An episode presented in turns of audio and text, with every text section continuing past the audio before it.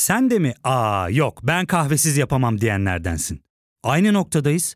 İlk ve tek kahve üyelik uygulaması Frink'le tanış. Hem bütçeni koru hem de hiç bitmeyen kahvenin tadını çıkar. Yakınlarından terapinin onlara ne kadar iyi geldiğini dinlesen de kendin için bir şeylere başlamak zor geliyor olabilir. Ya da sevdiklerine yardım etmeye istekliyken kendi ihtiyaçlarını görebilmek. Hayvel, uzman psikologlarıyla kendi ihtiyaçlarını bulmanda sana destek olacak. Terapi yolculuğuna başlamak için detaylı bilgi bölümün açıklamalarında. Merhaba, ben Ali Yağız Baltacı. Bilgisel'de bu hafta Galatasaray ile Juventus arasında 1998'de oynanan maçın PKK terör örgütü lideri Abdullah Öcalan yüzünden nasıl bir gerginlik altında oynandığını anlattık. Öyleyse başlayalım.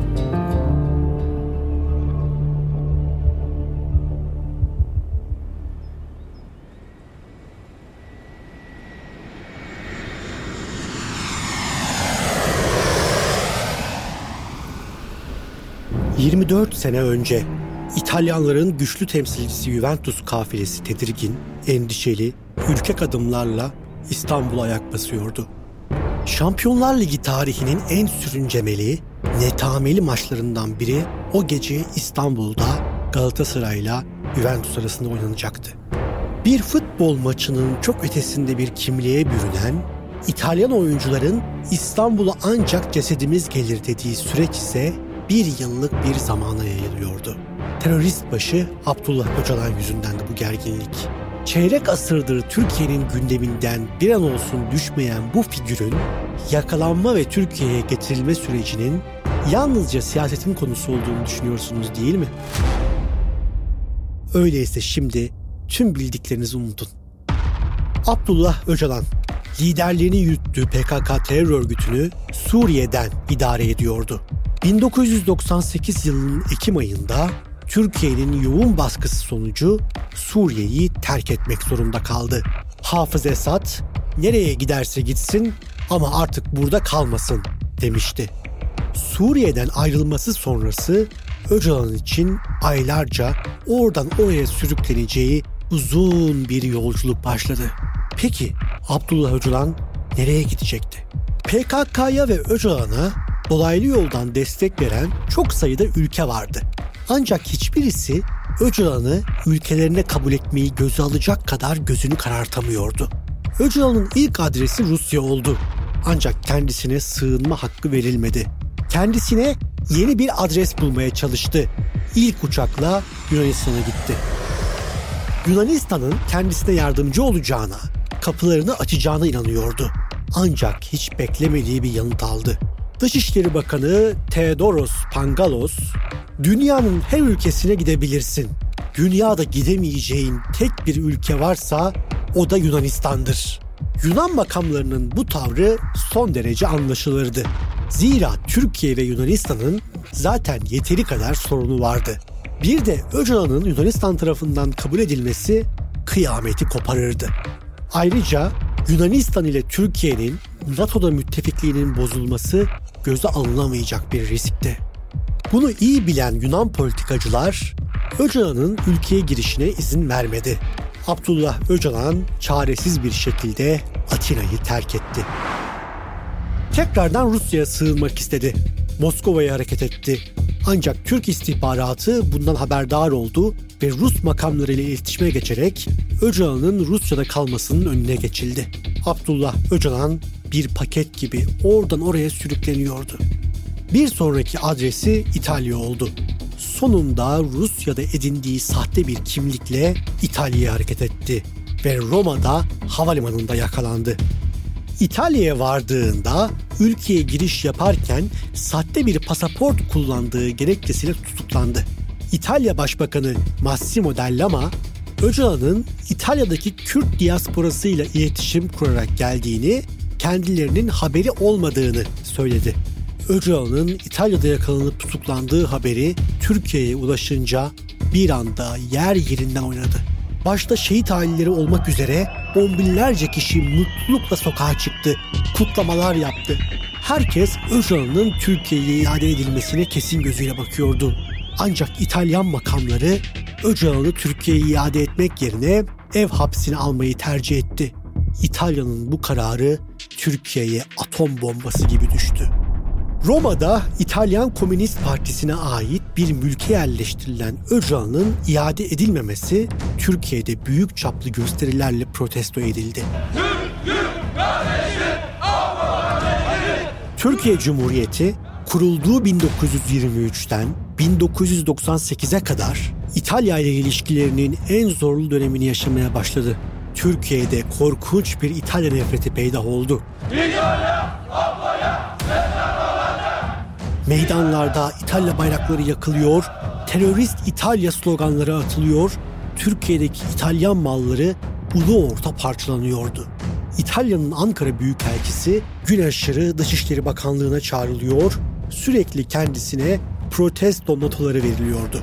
Öcalan'ın iade edilmemesi Türkiye'yi çılgına çevirmişti. Ya fark ettin mi? Biz en çok kahveye para harcıyoruz. Yok abi, bundan sonra günde bir. Sen Frink kullanmıyor musun? Nasıl yani?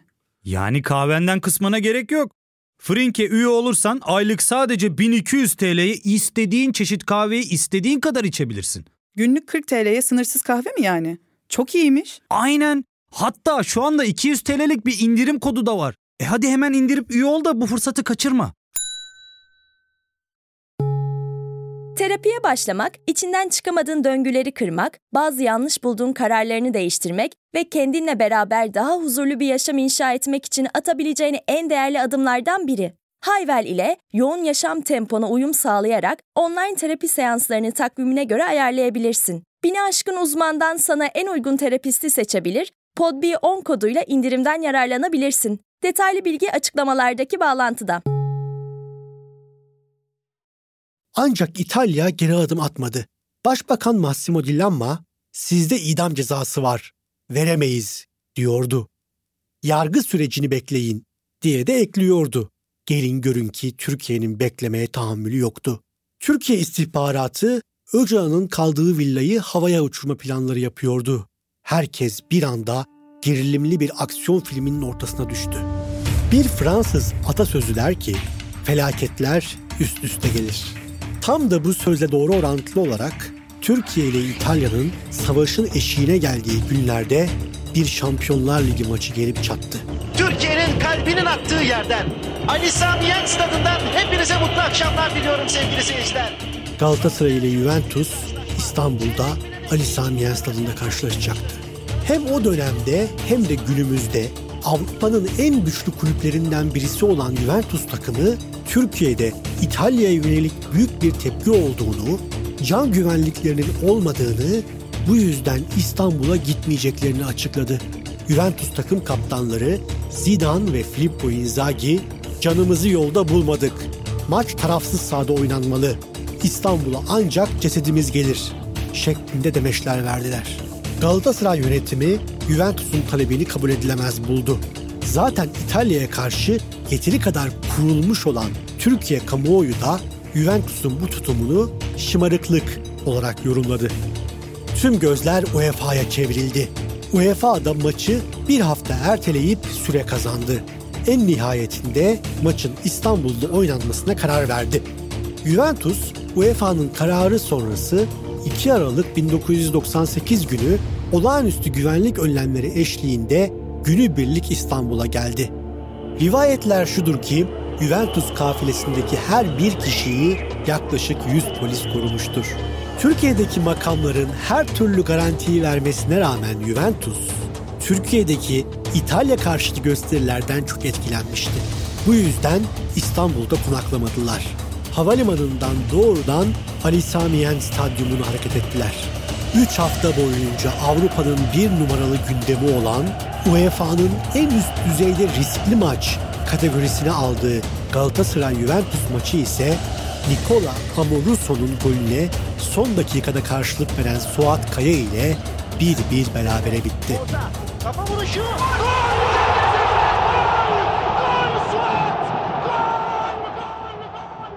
Peki bunca tantananın ve gerginliğin merkezinde yer alan Abdullah Öcalan'a ne oldu?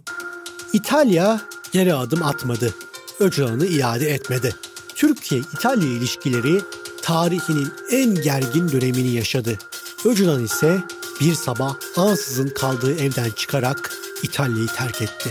16 Ocak 1999'da Öcalan Rusya'da güvenli bir sığınak bulma umuduyla yeniden Moskova'nın yolunu tuttu.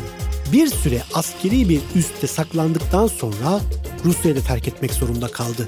Öcalan daha sonra Uluslararası Ceza Mahkemesi'ndeki hukuki durumuna bir çözüm bulmak için Laha'ya gitmek istedi. Ancak Hollanda hükümeti Öcalan'ın uçağının inmesine izin vermedi ve onu Yunanistan'a geri gönderdi. Öcalan İonya denizindeki Korfu adasına iniş yaptı. Bir kargo paketi gibi oradan oraya sürükleniyordu. Gittiği yerde kapılar yüzüne kapandı. Sonunda Yunanistan kendisine Kıbrıs Cumhuriyeti pasaportu vererek Öcalan'ı Kenya'ya gönderdi. Nairobi'de Yunanistan'ın Kenya Büyükelçiliğine geçici olarak yerleştirildi. En nihayetinde 15 Şubat 1999'da Türkiye ile ABD'nin ortak operasyonu sonucu Kenya'da yakalandı ve Türkiye'ye getirildi. Bu sabaha karşı saat 3'ten itibaren bölücü terör örgütü PKK'nın başı Abdullah Öcalan Türkiye'dedir. Şehit analarına verilen söz yerine getirildi. Bütün dünyadan dışlanan Abdullah Öcalan sonunda kendini Türkiye'nin kucağında buldu. İlk ve tek kahve üyelik uygulaması Frink, 46 ildeki 500'den fazla noktada seni bekliyor. Açıklamadaki kodu girerek sana özel 200 TL'lik indirimden faydalanmayı unutma. Hadi sen de Frink üyeliğini başlat, kahven hiç bitmesin. Hem bugününe hem yarınına katacaklarıyla terapi yolculuğuna ve daha iyi hissetmeye bugün Hayvel ile başla. Açıklamadaki linkten Hayvel'i indir, ücretsiz tanışma görüşmelerinin ardından bütçene uygun seans paketini seç ve terapi yolculuğuna başla.